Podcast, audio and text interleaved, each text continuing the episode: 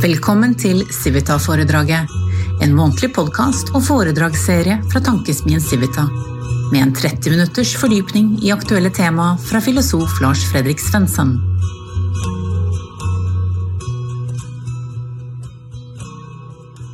Det er ikke helt enkelt å avgjøre hvor man bør begynne hvis man skal skrive forbrukets filosofihistorie. Man kan f.eks. begynne med Aristoteles' skille mellom varers bruksverdi og bytteverdi, der bytteverdien ble oppfattet som en falsk verdi. Eventuelt kan et startpunkt være den kristne middelalderkulturens generelle skepsis til alt forbruk som gikk utover tilfredsstillelse av menneskelige grønnbehov. I middelalderen hadde korstogene brakt utsøkte stoffer og edelstener til Europa, og disse ble brukt til å markere velstand. Kirken og staten så med skepsis på den utviklingen og ønsket å regulere den. Noe av det viktigste var luksuslover. Man utviklet egne bestemmelser for forbruk i henhold til rang, der visse gjenstander var forbeholdt bestemte sosiale klasser, og det var faktisk forbudt for lavere klasser å erverve seg disse gjenstandene, selv om de skulle ha råd til dem. Selv om man kanskje ikke bør betegne det som en teori om forbruk, så danner de oppfatningene et viktig historisk bakteppe for senere teorier om forbruk som klasseindikator, og til dels som noe litt moralsk suspekt. Jeg velger imidlertid å begynne langt senere, med Adam Smiths klassiske økonomiske teori. Og deretter beveger jeg meg gjennom noen av de viktigste teoriene som har dominert på ulike tidspunkter de siste 250 årene. Og da med særlig vekt på teorier om forbruk som klasseindikator. Frem til dagens situasjon, der rollen som forbruker presumptivt gir svaret på hvem du er. I The Wealth of Nations skriver Adam Smith at forbruket er målet for all produksjon, og videre for all handel. Som han påpeker, så er dette den diametralt motsatte oppfatningen av den merkantilistiske. Og gitt den vekten Smith eksplisitt tillegger forbruket, så skulle man forvente at han tar det utførlig for seg. Men det gjør han, det gjør han ikke. Ordet forbruker, altså consumer, dukker opp 82 ganger i The Wealth of Nations. Men Smith er ikke så interessert i forbrukeren som forbruker. Han er mer opptatt av handel generelt enn av å utvikle en teori om forbrukets funksjoner og formål. Eller mer presist uttrykk for Smith er det viktigere å forklare hvordan forbruket inngår i en materiell bytterelasjon. Utgangspunktet for alt forbruk er ifølge Smith at mennesker har visse grunnleggende naturlige behov, og i utgangspunktet er deres aktiviteter rettet inn mot å produsere for å tilfredsstille de behovene. Etter hvert utvikles det mer effektive produksjonsteknikker, og man begynner å produsere mer enn man kan forbruke. Det skapes med andre ord et overskudd. Det skaper igjen rom for at man kan begynne å produsere andre ting som har funksjoner utover tilfredsstillelsen av de naturlige behovene. Og Jo lenger den prosessen fortsetter, desto større blir tilfanget av produkter som kan inngå i materielle bytterelasjoner. Og det oppstår da også et tilsvarende forbruksfelt. En av de viktigste innflytelsene på Smith det var hans venn, filosofen David Hume. Hume hadde i essayene Of Commerce fra 1752 og Of Luxury samme år formulert et viktig forsvar for forbruk av luksus, basert på at det førte til økt sysselsetting og produksjon. Hume argumenterte også for at eh, luksusforbruket spilte en politisk frigjørende rolle, ved at smaken for luksus hadde bidratt til å avskaffe føydalsamfunnet. Smith sa seg opprinnelig, enig med sin venn Hume, selv om han hadde en viss avsmak selv for luksus og rettet nokså mange kritiske bemerkninger rettet mot dem som av forfengelighet ifører seg luksuriøse gevanter for å tiltrekke seg oppmerksomhet. Og i The Wealth of Nations spiller forbruk av luksusgjenstander en nokså negativ rolle, fordi Smith her betrakter sparing som en nøkkel til økonomisk vekst. Smith hevder at luksusgjenstander bør beskattes vesentlig tyngre enn livsnødvendigheter, og dette er klart motivert i et ønske om omfordeling fra de rikeste til de fattige. Smith ser imidlertid også at det ligger en naturlig tendens i mennesket til å begjære luksusgjenstander når de grunnleggende behovene er tilfredsstilt. Og det begjæret det blir en i prinsippet ubegrenset drivkraft til å erverve seg stadig nye gjenstander. Og Herfra så er det jo bare et kort skritt til en mer utviklet teori om forbrukeren. Men Smith han foretar i grunnen aldri det skrittet. Forbruket knyttes ikke nevnverdig til spørsmål om identitet og lignende, slik det er vanlig å gjøre i nyere forbruksteorier. Vi finner noen elementer til en mer omfattende teori om forbruk i enkelte av Smiths andre verker, som når han i The Theory of Moral Sentiments beskriver hvordan forbruket fremmes av menneskers ønske om å etterligne dem som har en høyere sosial stand. Og akkurat det blir et sentralt trekk i mange senere forbruksteorier, særlig hos Torstein Veblen, Georg Simmel og Pierre Bourdieu. Men Smith selv integrerte aldri et sånt perspektiv i sin generelle redegjørelse for forbruk. Heller ikke hos Marx finner vi egentlig noen teori om forbrukeren. Marx har et nokså rendyrket produksjonsperspektiv, fordi han mener at det er gjennom arbeidet at mennesket realiserer seg selv ved å skape en ytre manifestasjon av sitt indre liv. Men i beskrivelsene Marx gir av varen, kan man finne en del oppfatninger om hva som kjennetegner en forbruker. Marx beskriver varen som en mystisk størrelse han påpeker først at en vare er enkel å forstå ut fra den, eh, den bruksverdien den har.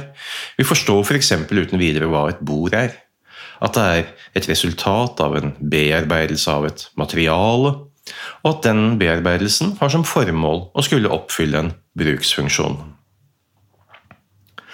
Så hevder Marx at selve vareformen skaper et slags kollektivt hukommelsestap med hensyn til varens opprinnelse enten den aktuelle varen skulle være et par sko, en paraply eller et brød. Når en vare ikke lenger betraktes ut fra sin bruksverdi, men ut fra bytteverdien, da forandrer den karakter og mister sin relasjon til det arbeidet som frembrakte den. Marx hevder i korte trekk at kapitalismen har forvandlet personlig verdi til en bytteverdi. Du arbeider, og du produserer gjennom dette arbeidet noe du har et personlig forhold til, og så tas det fra deg i bytte mot lønn. Den lønnen bruker du så til å kjøpe en vare du ikke har et personlig forhold til, og den varen kan ikke erstatte den personlige meningen du har mistet. Sånn sett blir forbruket bare nok et moment i arbeiderens fremmedgjøringsprosess. Forbruket har ifølge Marx egentlig ingen annen funksjon enn å skulle fremme ytterligere produksjon. Han skiller mellom arbeiderens produktive og individuelle forbruk, der det produktive forbruket består i forvandlingen av produkter i selve arbeidet, mens det individuelle forbruket består i arbeiderens bruk av lønnen til å kjøpe seg midler til fortsatt livsopphold. Men også det individuelle forbruket har i siste instans ingen annen funksjon enn bare å holde arbeideren i live, slik at han kan fortsette som produsent for kapitalisten. Marx var også overbevist om at kapitalismen var avhengig av en progressiv forverring av arbeidernes levestandard, fordi han mente at reallønningene ville minke, men her har jo historien vist at Marx tok feil, og det, det, kan man jo fastslå ved å studere økningen i vanlige arbeideres levestandard i industrialiserte, kapitalistiske samfunn fra den industrielle revolusjon og frem til i dag. Og ikke minst derfor vokste jo forbruket frem som en allmenn selvrealiseringsarena. Men det er en tanke som var helt fremmed for Marx. Hos begge de to teoretikerne jeg hittil har snakket om, Smith og Marx, forblir forbruket i grunnen noe helt utvendig i forhold til forbrukerens identitet. Dette rykker imidlertid inn i sentrum av senere forbruksteorier, særlig de mer sosiologiske, der såkalte dryppe-nedover-teorier har vært populære. Den kanskje mest kjente representanten for en slik teori er sosiologen Torstein Veblen, selv om det finnes flere teoretikere med et beslektet perspektiv før ham. Veblen betrakter i stor utstrekning moderniteten som en eneste stor irrasjonell forbruksorgie. Ifølge Veblen er det ikke tilstrekkelig å ha penger og makt for å oppnå anseelse. Statusen må også være synlig. Det handler om å vise frem hvilken sosial status man har. F.eks. gjennom såkalt prangende forbruk, altså conspicuous consumption. Ifølge Veblen forsøker vi å overgå andre mennesker som er i samme sosiale klasse som oss selv, samt å forsøke å komme oss opp på samme nivå som klassen over ved å etterligne dem. Det er med andre ord to prinsipper som er operative. Differensiering innad i klassen og imitasjon av klassen over. Veblen hevder at en aktør vanligvis ikke vil ha prinsippet om prangende forbruk som eksplisitt motiv, og stort sett bare er opptatt av å leve slik han eller hun mener at det sømmer seg for en person med denne bestemte sosiale statusen.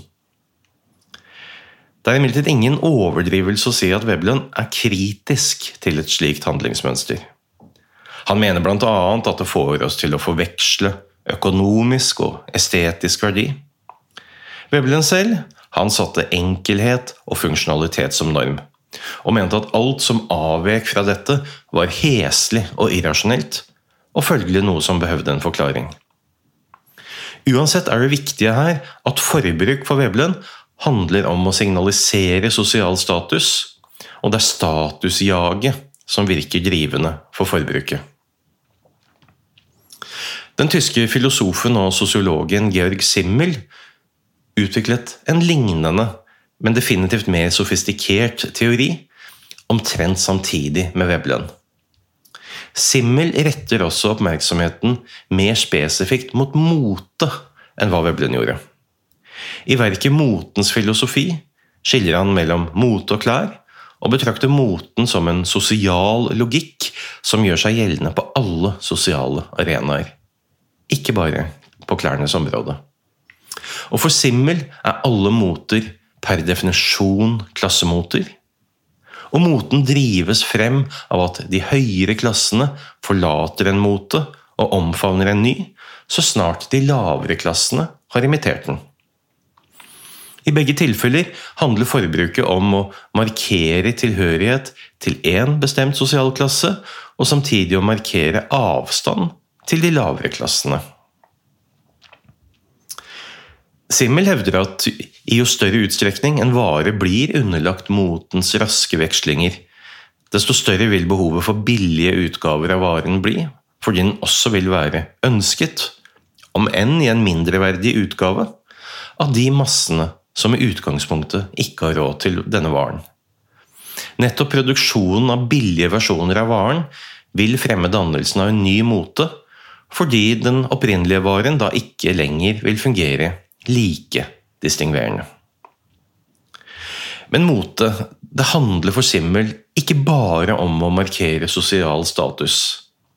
Det handler også om å balansere motstridende menneskelige behov og tilbøyeligheter som individualitet og konformitet, frihet og avhengighet osv. Moten blir slik sett et unikt fenomen, der alle motstridende hovedtendenser i sjelen er representert, skriver han.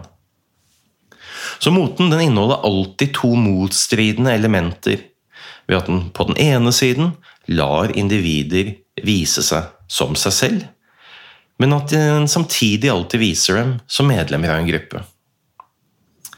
Og En sånn motsetning det finner vi igjen i Simmels mer generelle teori om forbruk. I motsetningen mellom det subjektive og det objektive.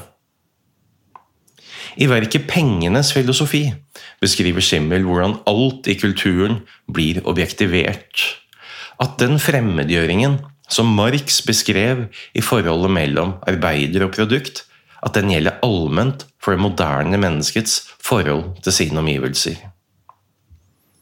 For Simmel er forbruk et privilegert felt for kultivering av selvet, fordi selvet dannes i interaksjon med objekter i verden, og forbruk byr på rike muligheter for en sånn interaksjon. Forbruket krever en integrasjon mellom forbruker og forbruksobjekt. Og den moderne verden kjennetegnes videre av en enorm økning i mengden objekter forbrukeren kan velge. Ifølge Simmel blir forbrukeren rett og slett overveldet av denne mengden, og det fører til at forbrukeren ikke makter å innlemme forbruksobjektet på en holdbar måte i sitt eget livsprosjekt. Man kan si at subjektet blir umyndiggjort av objektene. Og I den sammenhengen henviser Simmel spesifikt til forholdet mellom klesmoter og brukerne av dem. Klærne er i utgangspunktet noe som burde tilpasses subjektene, i og med at de jo ble skapt av subjekter for å brukes av subjekter. Men i stedet så er det subjektene som må tilpasse seg objektene, dvs. Si klærne. Det er menneskekroppen som må tilpasse seg klærne den skal, skal ha på seg, snarere enn motsatt. Så det som skapes av subjekter og for subjekter, blir til objekter som løsriver seg fra sin opprinnelse og begynner å følge sin egen logikk.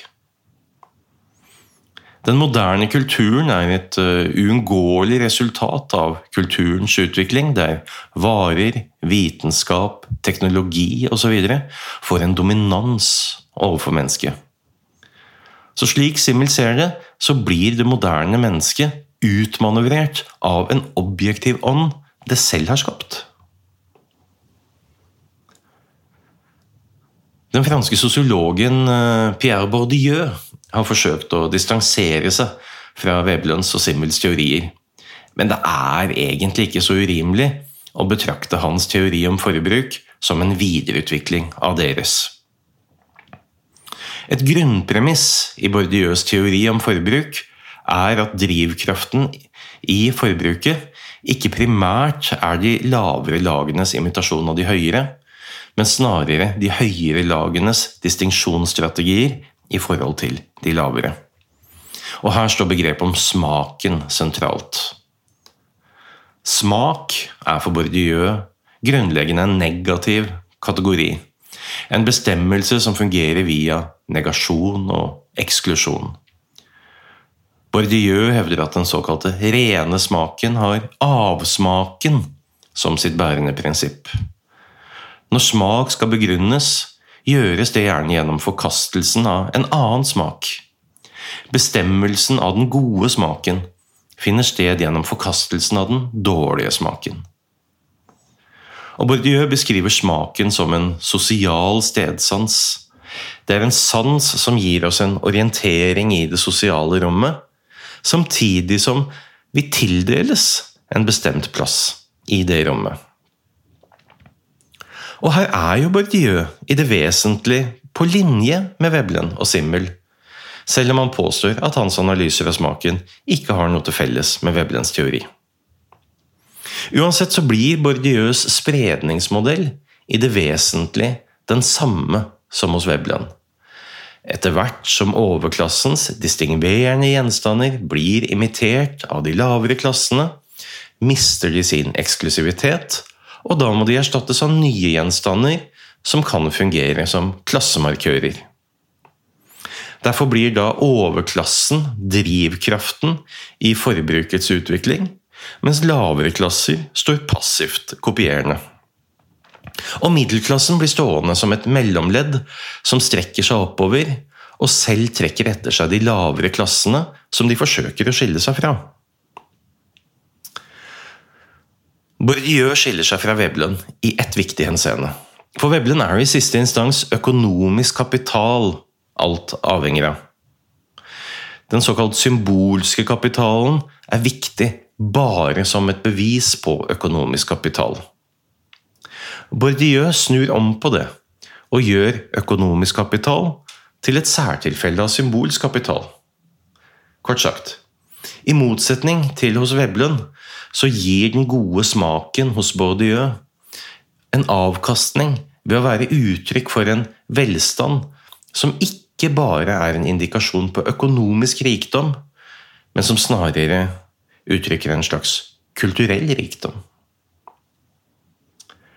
Og som Bourdieu påpeker, er alle former for kapital utsatt for inflasjon. Objektenes distinksjonsverdi er konstant fallende fordi stadig flere kommer i besittelse av dem. All kapital er relasjonelt bestemt, i den forstand at hvilken verdi noe har, avhenger av hva andre har. For at noe da skal kunne få en høy verdi, så er det avgjørende at ikke alle andre har det samme. Noe kan ha en verdi bare hvis det finnes en knapphet. Og derfor blir det så viktig å sette distinksjoner. Man kan si at, at poenget med distinksjonen er å skape knapphet, slik at man kan ekskludere noen. For det er bare ved å ekskludere andre at man selv kan komme i besittelse av symbolske verdier. Og hvilke symboler man erverver seg, det skal si noe om hvem man er. Og smaken er da en avgjørende del av den konstruksjonen Sosiale aktører gjennomfører av seg selv og sine omgivelser. Og den er en vesentlig del av hvordan den som har en bestemt smak, oppfattes av andre smaksdommere. Som Bourdieu uttrykker det smak klassifiserer, og smak klassifiserer den som klassifiserer. Så Bourdieu han opererer innenfor et perspektiv der smak må forklares ut fra et klassedifferensierende prinsipp, og der forbruket drives frem av den differensieringen. Men et problem med disse analysene til Bourdieu, når man leser dem i dag, det er jo at de baserer seg veldig sterkt på en klasseanalyse som fremstår mer enn en smule datert. Den hadde antagelig fortsatt stor gyldighet da Bourdieu innhentet sin empiri i Frankrike i første halvdel av 1970-tallet, men siden har vi sett et mye mer individualistisk bilde av forbrukeren vokse frem, der målet med forbruket ikke er identifikasjon med en gitt klasse, men snarere å etablere en strengt individuell identitet. Sosiologen Sigmund Baumann han inntar et perspektiv som på mange måter er den rake motsetningen til det produksjonsperspektivet som dominerte hos Marx. Baumann mener at uh, Marx' analyse av kapitalismen ikke lenger er dekkende fordi det er forbruket som i dag binder individenes livsverdener sammen med samfunnssystemets rasjonalitet. Vi kan si at der Marx så en undertrykt arbeider, så ser Baumann en forført forbruker. Den marxistiske teorien om menneskelig identitetsdannelse gikk i korthet ut på at det er produksjonsarbeid som danner selve. Du er det du lager. Men dette er en modell som ikke passer så godt på det senmoderne mennesket. Du er ikke lenger det du produserer, men det du konsumerer. Tidligere i moderniteten kan vi si at vi levde i et produsentsamfunn, der borgerne primært ble formet til å være produsenter, og deres grunnleggende rolle var å produsere. I det senmoderne samfunnet er den rollen endret ved at samfunnets medlemmer snarere betraktes som forbrukere. Og Dette er jo en lang utvikling. Det er ikke snakk om at mennesker tidligere ikke var forbrukere, eller at de i dag ikke er produsenter. Ethvert samfunn behøver både produsenter og forbrukere. Det det er snakk om, er en endring i hvilken rolle som er den primære.